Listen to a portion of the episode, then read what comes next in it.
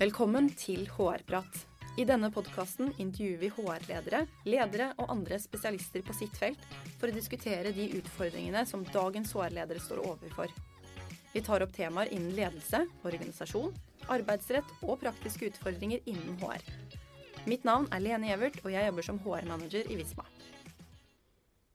Velkommen til ny episode av HR-prat. Dagens tema er arbeidsrettslige covid-19-problemstillinger. Og for å snakke om dette har vi invitert Ragnhild Nakling og Christian Foss Aalmo. Velkommen til dere.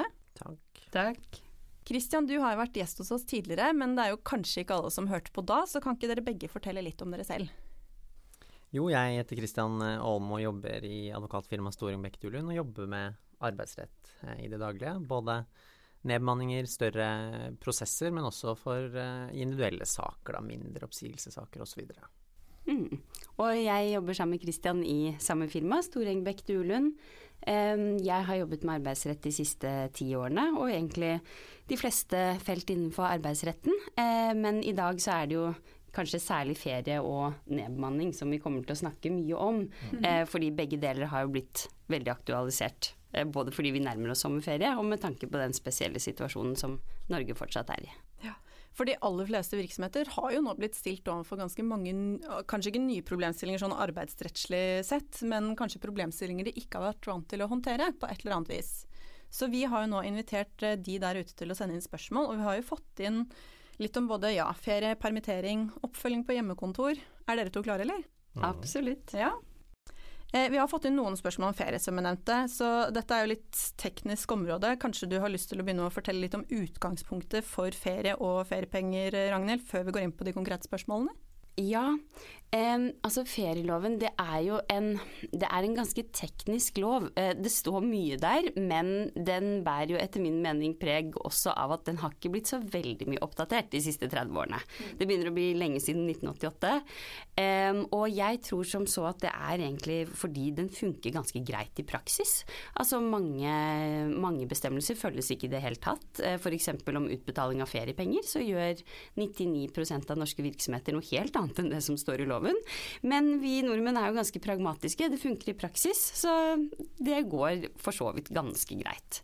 Men eh, det jeg tenker er viktig for de som eh, lytter, som jeg tror de aller fleste av dere som lytter er godt klar over, men det er å ha dette grunnleggende skillet mellom ferie på den ene siden, altså feriefritid, og feriepenger. Mm -hmm. eh, det er to ting som i praksis ofte henger sammen. Men eh, i teorien så er det to helt adskilte rettigheter, da. Um, så tenker jeg at det er um, greit å være På en måte ha det klart for seg dette med at man får jo aldri lønn i ferien. Uh, får, I Norge får man lønn elleve måneder i året. Um, så for dem som på en måte tenker at man har betalt ferie og sånn, så er det jo alltid feriepenger. Eh, og det gjør jo at man normalt aldri opplever å stå uten penger i løpet av året. Fordi eh, i juni så får du ikke lønn, men da får du feriepenger. Og resten av året når du da tar ut ferie, så får du lønn som normalt. Mm. Eh, vi har jo fått et spørsmål her om endring av ferie.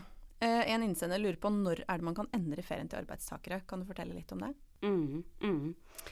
Eh, jeg tenker at det viktigste å starte med der, da, det er om arbeidstakeren har fått beskjed om når han eller hun skal avvikle ferie. Ja. Eller om arbeidstakeren ikke har fått det.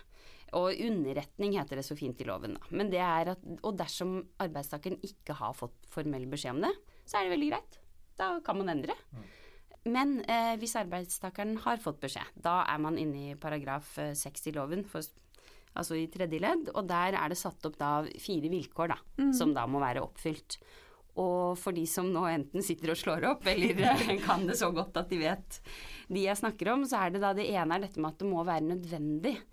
Um, som jo er et strengt kriterium i seg selv. Eh, så er det at det må skyldes en uforutsett hending.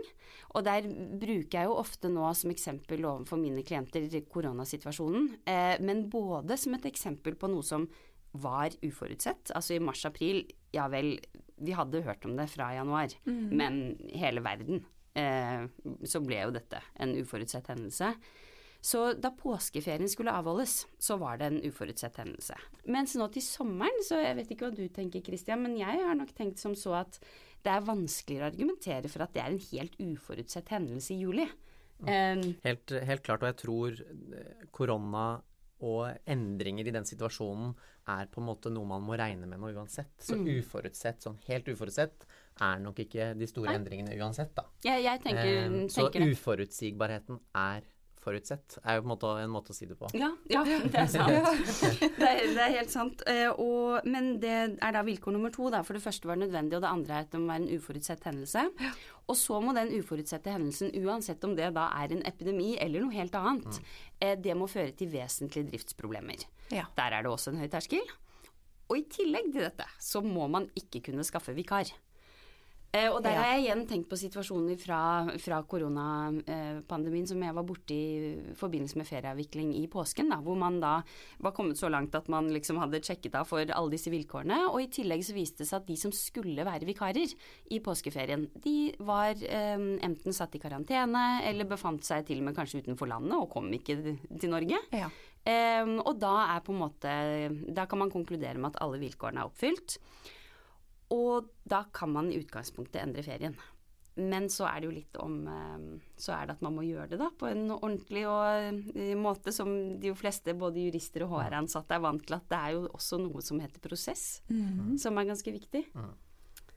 Um, og da altså det som er det det viktigste å ha med seg der, da, det er dette med at man må drøfte med arbeidstaker. Ja. Det er de fleste, både HR-ansatte og ja, ledere, ledere vant til. ledere vant mm. til, akkurat det.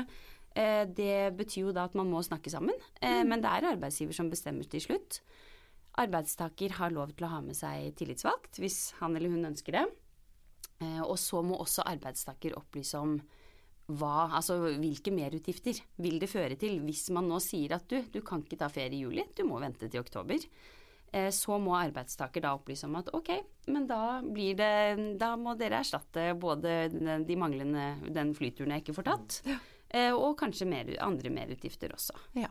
Um, og, og, hensikten med det, da, det er jo at arbeidsgiver da kan bestemme seg for er det, er det verdt det. Koster det mer enn det smaker å endre ja. ferien, eller er virksomhetens behov for å endre ferien så stort at disse kostnadene, de, de tar vi. Mm. Ja. Ja, det er ikke helt enkelt. Men hva med hvis arbeidstaker er på ferie og kalles tilbake? Hva er det som skal til for at man skal kunne gjøre det, og hvilke krav er det som oppstår da? Ja, altså I utgangspunktet så er det akkurat de samme eh, vilkårene. Det er at det må være nødvendig pga. en uforutsett hendelse eh, som vil skape vesentlige driftsproblemer uten at man kan skaffe stedfortreder. Og jeg ser for meg, altså Det, det fins helt sikkert situasjoner hvor det kan være nødvendig, men da skal terskelen, terskelen bli ganske høy, altså. Og i tillegg så kan det jo være litt problematisk da å få gjennomført eh, denne prosessen på en riktig måte. Mm. Men, men, det kan la seg gjøre, og de kravene arbeidstaker da vil ha, er jo eh, både da å få erstattet de merutgiftene han eller hun er blitt påført pga. at man er pålagt å komme tilbake eh, og avbryte ferien, mm. Eh, og så naturligvis eh, å få avvikle de resterende feriedagene da, eh, senere i året. Ja. Man får dagene igjen. Ja, absolutt. Ja. Mm. Så det er egentlig litt eh, Det blir jo litt likt, enten, ja. uansett om man har reist på ferie eller ikke. Ja, det ja. blir det, bare at terskelen blir veldig mye høyere ja. Eh, når man på en måte er på ferie. Og behovet skal jo da være Det er på en måte ikke nok at uh, jeg vet ikke, ble så godt vær i år at man solgte dobbelt så mye is, og alle på isfabrikken eh, måtte ja. tilbake. Det er ting man må ta høyde for eh, at kan variere ja, fra år til år. Eller at epidemien flere blir smittet, og plutselig har vi flere som er innlagt på sykehus, og nå trenger vi flere Ak helsepersonell. Akkurat det. Ja. Det må man eh, ta høyde for når man planlegger ferie. Men eh, det kan jo være utfordringer holdt på å si andre enden av skalaen. Eh, veldig, veldig, veldig mange av oss har jo nå fått avlyst eh, ferien vår fordi man kan ikke reise enten hit eller dit. Så jeg tenker det kan jo være at ansatte ikke ønsker å avvikle ferie. At jeg ser ikke noe poeng i at jeg skal bruke mange ferieuker i juli. Kan ikke jeg heller sitte her på kontoret når det er ingenting å gjøre, og hvis det er lov til å reise til varmere strøk i høst, så vil jeg heller reise en to-tre uker i november når ja. ting på som verst. Hvis alle kolleger har lyst til å gjøre det på en arbeidsplass, så har jo plutselig arbeidsgiver et problem. Ja, det er jeg helt enig i. Og jeg eh, tenker som så at den beste løsningen for arbeidsgiver, da, og det er jo det perspektivet vi har i um, Hårprat, så er det å sørge for at ferie avvikles på en så normal måte som mulig. Og så kan, vil jo sikkert mange arbeidstakere si, akkurat som du sier, ja men ferien min er avlyst. Og så er det litt sånn at vel, ja ferieturen din til Spania er kanskje avlyst, mm. men du skal fortsatt ta ut ferie. Ja. Eh, arbeidsgiver er jo forpliktet til å sørge for at arbeidstakerne tar ut ferien sin. Det er en plikt som påhviler etter ferieloven. Mm.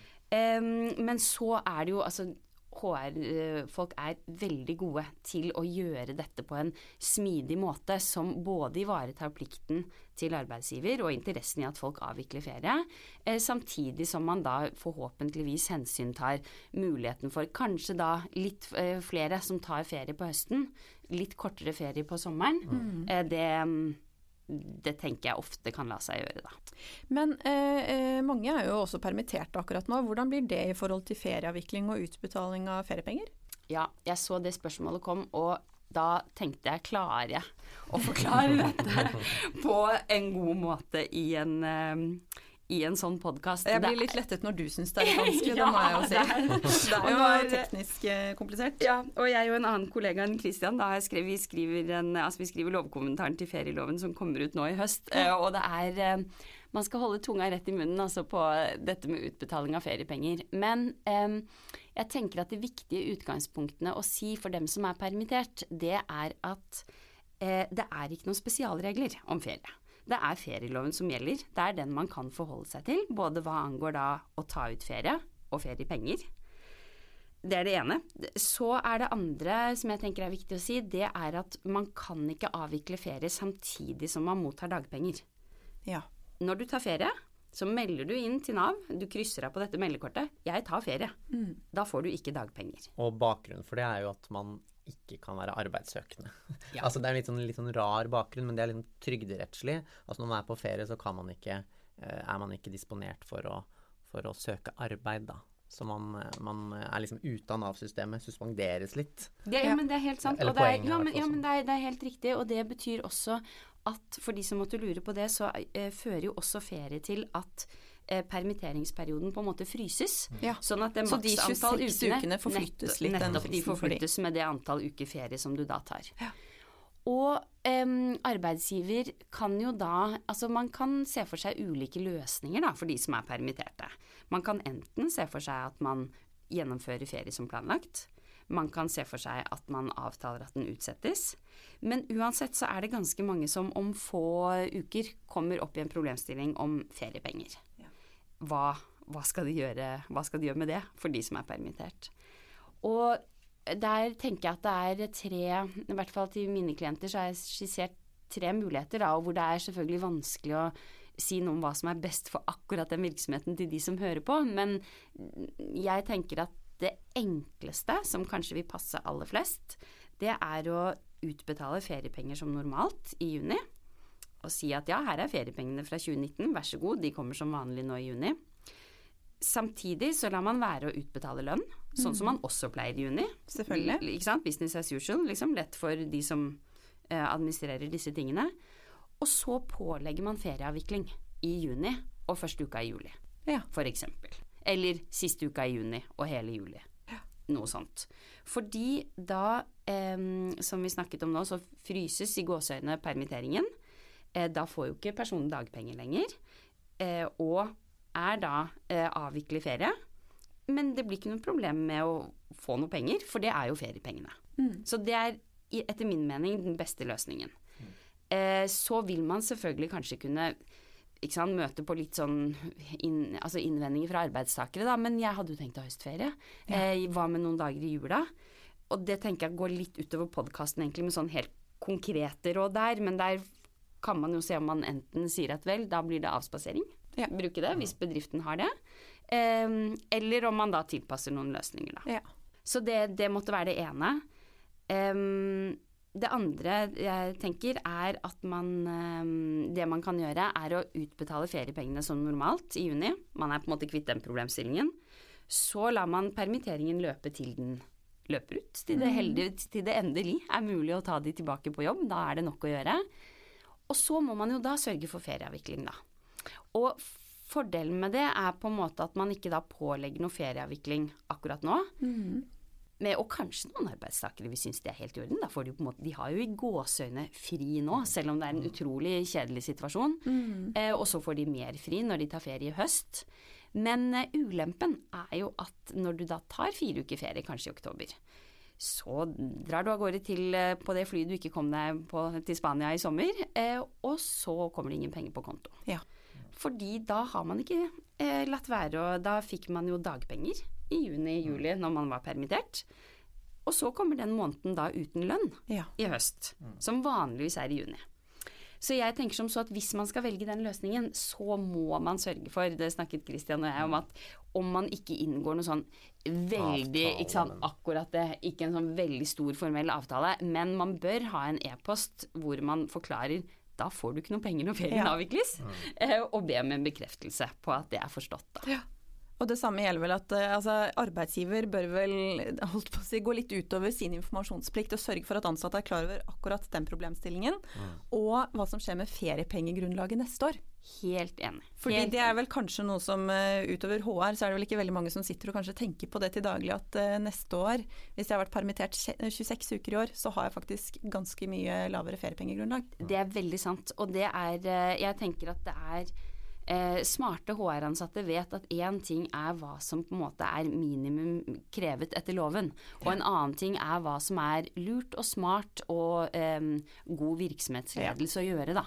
Eh, og den siste problemstillingen du tar opp er veldig relevant, og den er jo sånn som man ofte kommer borti også i forbindelse med mm, når man har vært i foreldrepermisjon. Ja. Så vil det være mange som møter på den samme overraskelsen eh, påfølgende år, hvor de oppdager at i hvert fall eh, for de som eh, kun får eh, foreldreper, altså permisjonspenger fra Nav, da, så opparbeider man seg bare feriepenger av eh, tolv uker. Eh, Så det er jo også en ganske negativ overraskelse, men den er vanskeligere for arbeidsgiver å informere om på en like hva skal vi si, gjennomført måte, for den gjelder jo bare én og én person Ja. nå og da, her og der, mens dette blir en felles problemstilling, da. Ja. Så mm. Men permittering har jo dessverre blitt ganske aktuelt eh, for mange den siste tiden. Hva er de viktigste tingene man bør være obs på når det kommer til regler om permittering, Kristian? Jeg tenker eh, at man kan skille litt på de som har allerede permittert eh, en stund. Begynte i mars og april med nedstengning av Norge, smitteverntiltak. Arbeidsmangel oppsto mange steder, og de er jo inne i regelverket allerede. Og der er det jo en del spørsmål som oppstår knyttet til kan man jobbe mens man er permittert? Eh, skal man kalle tilbake? Eh, ulike varianter og hva slags fleksibilitet man har, da. Og det første man kan si er eh, at det er mulig å jobbe under permittering opptil seks uker, sammenhengende uker. Det er allikevel viktig å, å være klar over at man må være minst 40 eh, arbeidsufør eller uten redusert arbeidstiden sin eh, for å ha rett til dagpenger. Så det må man eh, fortsatt være i disse seks ukene, i disse meldekortperiodene. Men så kan man jo velge å kalle arbeidstakerne tilbake, og så har det jo vært en del spørsmål hvilke formkrav gjelder for disse. Uh, og det er uh, ikke så mye teori og skriverier om det. Uh, tanken er vel at det holder å, å informere på e-post at nå er permitteringen avsluttet, vi kaller den tilbake.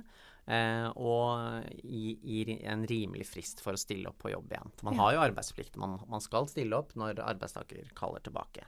Det er den ene gruppen. Og så er jo den andre gruppen de som fortsatt vurderer permitteringer framover, altså over eh, sommerferien. Og da er det jo de vanlige reglene som gjelder, som også gjaldt før korona. Altså spørsmål om utvelgelse, varslingsfrist, arbeidsgiverperiode eh, osv. Eh, det var jo mye spørsmål knyttet til beregningen av eh, hva slags betaling arbeidstakerne skulle få. Hva var arbeidsgiverperioden? Og den ble jo redusert fra 15 til to dager. Og nå er det jo foreslått å, å ta den opp igjen til ti dager fra eh, 1. Eh, september. Eh, utvelgelse er jo et, et særskilt spørsmål. Man må jo bare være klar over at utvelgelsen av permitterte også skal være saklig. Det man, eh, det man kan tenke, for å være litt pragmatisk da, fra et arbeidsgiverståsted, er jo at når man blir permittert, så mister man jo ikke jobben. Eh, så man kan fokusere mer på å beholde nøkkelpersonell enn å se på arbeidstakerperspektivet. Eh, den interesseavveiningen man har i nedbemanningsprosesser, den er fraværende i permittering. fordi fordi man får jo faktisk en ytelse, eh, og man, man, skal jo tilbake på jobb. Ja, Det er ikke, Så, en, det er ikke en oppsigelsesvurdering man gjør da. Det er man kan være mer, mer, pragmatisk. Men, men, mange morsomme spørsmål knyttet til samordning av ytelser, sykepenger, omsorgspenger, AFP. Mm. Eh, viktig å på en måte sette seg inn i regelverket eh, hvis man fortsatt skal drive med permittering over sommeren. Ja. Men det er jo ventet at en eh, lønnskompensasjonsordning kommer på plass nå i midten av juni. Hva mm. innebærer den, og hva er det arbeidsgiver eventuelt bør være obs på hvis den kommer på plass? Det ligger et forslag fra fra eh, regjeringen som skal behandles i Stortinget den 19. juni. Så da ser vi hva det endelige resultatet blir. Men slik forslaget er nå, så er dette en lønnskompensasjon i teorien for alle eh, bedrifter som driver med næringsvirksomhet. Hvor man ved å ta tilbake ansatte i eh, juli og august, eller en av månedene, skal få kompensert eh, for den, de lønnsutbetalingene man, man, foretar. Altså Poenget er å få de ansatte tilbake i jobb. eh, som ikke er tilfellet ved permittering, men at arbeidsgiver og virksomheter skal få støtte ja. for, for, den dugnadsaktiviteten man på en måte gjør, da. Og, de, eh. og, jeg tenker, Vi kan jo også si Christian, at ut fra, i hvert fall med tanke på de tidligere koronapakkene, mm. så er i hvert fall mitt inntrykk av at hovedforslagene fra regjeringen, altså hva de skal gå ut på, mm. har jo som oftest blitt bevart. Mm. Eh, så jeg ville egentlig bli litt overrasket om det ikke blir en lønnskompensasjonsordning. Mm. Men så er det jo mer på en måte størrelsen, rett og slett, på pakkene eh, som har eh, ja, økt, da. Eh, når ja. det har vært gjennom opposisjonen ja. og Stortinget. Det blir, eh, det blir, litt gnikking på beregningen og beløpene i den, i den sesjonen. Men det som i hvert fall ligger der, da, er at man må ha et eh, omsetningsfall. Ja. Eh, og det må være over 10 eh, Og da ser man på eh, omsetningen man hadde i fjor, eh, og sammenligner den med eh, i år. Så dette er noe man får etter etter juli-august. da. Ja. Man søker, og så får man på en måte etterbetalt fra staten. Mm. Så det blir spennende å se mm. eh, 19.6 hva, hva det munner ut i. Men det er jo et uh, alternativ til å, å permittere. Mm. mm. Absolutt. Men litt uavhengig av ordningen, hvordan bør virksomheter som har permitterte gå frem for å planlegge høstens bemanning? Altså På et eller annet tidspunkt så må du jo ta tilbake de ansatte, eller mm. så må du nedbemanne. Absolutt. Eh, man kan jo starte med at en del kommer til å nærme seg maksgrensen for eh, permittering 1.9. Mm. Eh, da må man, da blir man tvunget til å ta et valg. Ta det tilbake eller, eh, eller nedbemanne. Eh, for alle som ikke, også for de som ikke har nådd maksgrensen eller ikke vil, bli, eh, vil nå den 1.9., så er det noe med å planlegge bemanningssituasjonen litt mer permanent. Og da er jo stikkordet nedbemanning. Og, og litt det jeg sa i stad, at permittering er jo noe annet enn nedbemanning. Nedbemanning resulterer jo ofte i eh, eh for mange at man mister eh, jobben. Eh, og man blir overtallig. Og da er det jo strenge saksbehandlingsregler for det. Og de er strengere av en grunn, nettopp mm. fordi eh, arbeidstaker kan risikere å gå ut i ledighet. Og da er det de vanlige reglene man må ha klart for seg, og, og, og, disse stegene som man er vant til fra tidligere omstillingsprosesser. Men lurt å planlegge allerede nå før ferien. Det er snakk om dialog med de tillitsvalgte, utvelgelsesspørsmål, krets, kriterier. Eh, og eh, lete med, med, lys og lykte etter eh, annet passende arbeid. Har man annet ledig arbeid, så eh, må man tilby det til de som man vurderer overtallige. Hvis ikke så vil man risikere at oppsigelsen blir eh, ugyldig. Og et viktig budskap er at man kan ikke konvertere permitteringen over til eh, en nedbemanningsprosess. Ofte har man, eller mange har nok permittert de man ikke trenger mm. eller har så stort behov for. Kanskje en del eldre arbeidstakere. Er man over i nedbemanningssituasjonen, så har de et sterkere vern ja. enn ved permittering. Man mm. snakker om interesseavveining eh, og um, plikt til å tilby anpassende arbeid til disse eh, personene. Mm. Så det er viktig å, å, ha et litt langsiktig perspektiv på det. Vi kommer nok til å uh, Dette kommer nok ikke til å ta slutt uh, dette, dette, året. Mm. Det vil nok vare ut i, i, 2021 og kanskje lenger. Kanskje det kommer noen flere kriser. Mm. Verden er, er, urolig. Men å, å, å, rigge virksomheten slik at man uh, er rustet for, en, rustet for en, en, ny krise og har en smidig og fleksibel organisasjon som er moderne, det tenker jeg er, er smart å tenke på før man tar sommerferie. Mm. Uavhengig om man eh, må nedmanne eller ei, så er det kanskje flere virksomheter i år som ser at de ansetter mennesker og kanskje egentlig ønsker å terminere arbeidsavtalen før de har tiltrådt. Mm. Eh, har dere noen kloke ord, råd, til de som eventuelt er i de situasjonene nå? Det kommer jo litt eh, ved siden av den eh, bemanningen man har allerede. Eh, man har signert kontrakter med nyutdannede eller andre. Eh, sto store virksomheter rekrutterer jo god tid før man trenger det. Eh, advokatfirmaer, konsulentvirksomheter. Og man signer, kanskje signert i, i, 2019 med folk. Og jeg tror mange har tenkt på dette og har dialog allerede. Men, men uh, juridisk er det i hvert fall viktig å, å ha klart for seg skille da, på reglene som gjelder for terminering før til, tiltredelse og etter tiltredelse. Før tiltredelse så er det i utgangspunktet avtalerettslige regler som gjelder. Eh, utgangspunktet må man kunne si at avtalen er ugyldig. Man kan terminere avtalen pga. ugyldighet eller bristende forutsetninger. Noe har endret seg, dette går ikke. Mm, Vi trekker oss må, fra avtalen. Ja, og viktig da å si at det må man for å kunne gjøre det. Ja. Ikke, at man, eh, må, ikke, at man, nødvendigvis Nei. kan gjøre det, Nei. men det er det som må være oppfylt. Ja, det er vilkåret. Og, og, grunnen til at det er avtaleretten som gjelder fram til tiltredelse, er jo rett og slett fordi at det er da arbeidsforholdet oppstår. Det er da arbeidsmiljøloven begynner å gjelde. Ja. Det er da vi mm. har med å gjøre en arbeids arbeidsgiver og en arbeidstaker. Ja. Absolutt. Og det eh, å ha dialog med disse menneskene allerede nå, det er viktig. Eh, selvfølgelig så har man et eh, har man overkapasitet i august-september, så er det jo anledning til å nedbemanne eh, disse menneskene. Eh, men det smarteste er kanskje men å begynne allerede nå. Ja, det er en dårlig start. Og, den... og det er en dårlig start. Eh, men man kan gi arbeidstakerne valget. Ja, ja. Eh, fordi man kan mene at man har grunn til å, å terminere avtalen nå, før tiltredelse, mm. ut ifra de reglene eh, jeg skisserte. Mm. Eh, og så sier kanskje arbeidstakeren nei, det gidder jeg ikke. Men da, da, kan man jo informere om at eh, det, er kan, alternativet. Ja, det ja. kan skje en uh, overtallighet som vil gå utover deg. Du har korte sannsynlighet, ja. uh, osv. Um, de har jo ofte kort oppsigelsestid også. Absolutt. Eh, 14 dager, typisk, de første seks månedene. Mm. Um, så det blir ganske sånn um, kjip start på høsten hvis man ikke sammen med den arbeidsgiveren man har signert, signert med, eh, kommer til en løsning eh, på dette nå. Og mange virksomheter tror jeg eh, kanskje gir en måned da, eh, oppsigelsestid eh, til disse personene som står uten jobb eh, til høsten. Det har noe med å være noe å gjøre med å være profesjonell overfor personer man kanskje vil rekruttere i fremtiden. Mm. Så god kommunikasjon og det å kanskje Absolutt. spille med litt åpne kort kan ja. jo være lurt også før uh, den ansatte starter i ny jobb. Helt klart. Ja.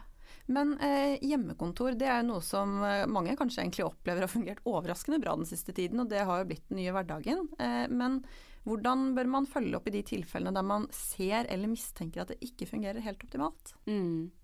Jeg tenker at um, det er uh, Da er det rett og slett viktig å ta tak i det veldig tidlig. Og ta tak i det egentlig med en gang. Um, nå er vi jo heldigvis der at veldig mange av oss kan møtes igjen og være fysisk til stede på samme sted. Så jeg tenker at for de arbeidstakerne hvor man ser at det er et markant avvik da, mellom den arbeidsprestasjonen som man kan forvente, basert på det personen er ansatt som, det han eller hun skal gjøre, og det som faktisk blir eh, produsert, er kanskje ikke det beste ordet, men det som faktisk gjøres.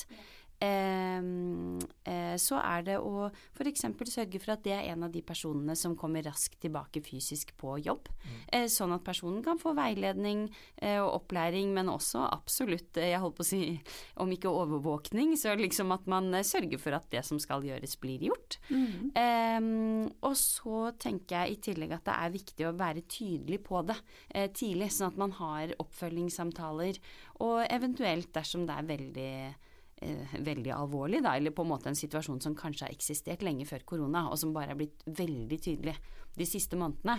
At man da legger en plan f.eks. For, for høsten. Eh, hva er det personen skal gjøre? Har man kommunisert forventningene tydelig? Og sørge for å følge opp ganske så tydelig, altså. Mm. Med møter og korte referater. Hva er blitt avgjort at man skal gjøre, eller besluttet at skal gjøres? Er det blitt gjort? Mm. Eh, og er det noe arbeidstakeren mangler av utstyr, opplæring, veiledning for mm. å få gjort eh, den jobben.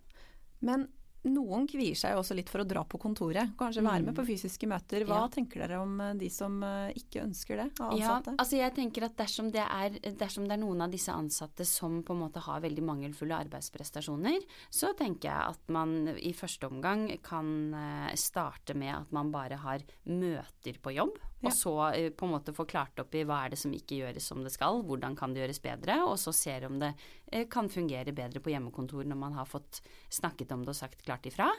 Um, men så tenker jeg til syvende og sist at uh, man har jo en arbeidsplikt, og dersom man ikke utfører den fra hjemmekontor, så har arbeidsgiver også styringsrett til å beslutte at vet du hva, nå skal jobben utføres fra kontoret. Mm. Um, og så får man forsøke, da, dersom det er en person som um, er veldig engstelig eller uh, ja, og, og, legge til rette innenfor rimelighetens grenser ja. uh, for at den kan komme. Mm. Det er litt de samme problemstillingene som man hadde i starten av korona perioden at eh, en del eh, hadde frykt, da. Mm. Eh, og frykt er jo ikke verken en sykemeldingsgrunn eller en hjemmekontorgrunn i seg selv. Så det er opp til arbeidsgivers styringsrett å avgjøre hvordan man håndterer dette, med mindre arbeidstaker har særlige grunner mm. eller av helsemessige årsaker eh, kan kreve å være hjemme mm. ut ifra et litt mer sånn tilretteleggingsperspektiv. Mm. Så jeg tror det aller beste er å få store, den største delen av arbeidsstokken tilbake på jobb. Eh, for å få til et mer normalt, eh, normal hverdag, da. Mm, mm. Eh, før vi runder av. Eh, de utfordringene som vi hører er jo veldig varierte, og de utfordringene der ute er sikkert enda mer varierte enn det vi har klart å fange her nå. Men hva tenker dere er de tre viktigste rådene eh, til HR-ledere fremover, hvis dere skal liksom prøve å oppsummere litt? Har du ja, noen plukker om? Ja, jeg må innrømme at jeg har egentlig tenkt mitt tips litt innenfor de spørsmålene som vi mottok på forhånd. Mm. Som hvor det ene var liksom innenfor ferieproblematikk. Og der tenker jeg at det viktigste tipset der, det er rett og slett å legge en eh, plan for ferie som strekker seg utover sommerferien. Ja. Som omfatter også høsten 2020, og også gjerne første halvår, egentlig. 2021. Eh, trenger ikke være skrevet i stein og drøftet og alt sånn, men, men at man har en klar plan for hvordan man skal sørge for ferieavvikling for ansatte, permitterte, delvis permitterte osv. Mm. Det er det. Um, Når det gjelder bemanningsplanlegging, så tenker jeg at det er noe man må sette seg ned med før sommerferien. Um, ikke utsette den problematikken. Se, se, se, om man har behov for den samme bemanning man hadde før korona. Uh, se på den permanente bemanningen og ordne opp i, i disse eh, signerte arbeidstakerne eh, allerede nå, og ikke sitte med det eh, langt ut i august. Mm. Da kan man kanskje ta ferie med litt lavere skuldre også. Absolutt. Absolutt. Og tredje tipset er egentlig litt mer sånn kuriosa, vil jeg si. Jeg vil ikke putte det på listen over aller viktigst, men det er mer sjekke om har dere avtale om hjemmekontor på plass i tråd med forskrift om hjemmekontor for de som har hjemmekontor på permanent basis. Mm. For det er en eh, forskrift som jeg tror er glemt av veldig mange, men hvor mm. man er forpliktet til å ha sånne avtaler for de som da har hjemmekontor på permanent basis. Det tror jeg var et veldig godt råd for mange. Mm. Tusen takk til alle der ute som har sendt inn spørsmål, og tusen takk til dere to for at dere kom. Takk, takk. for at vi kom. Og til deg som hører på, vi prates. Hvis du har temaer eller spørsmål du ønsker vi skal diskutere, send oss gjerne en mail på hrprat.visma.com. Og for flere episoder, sjekk ut visma.no slash podkast slash hrprat.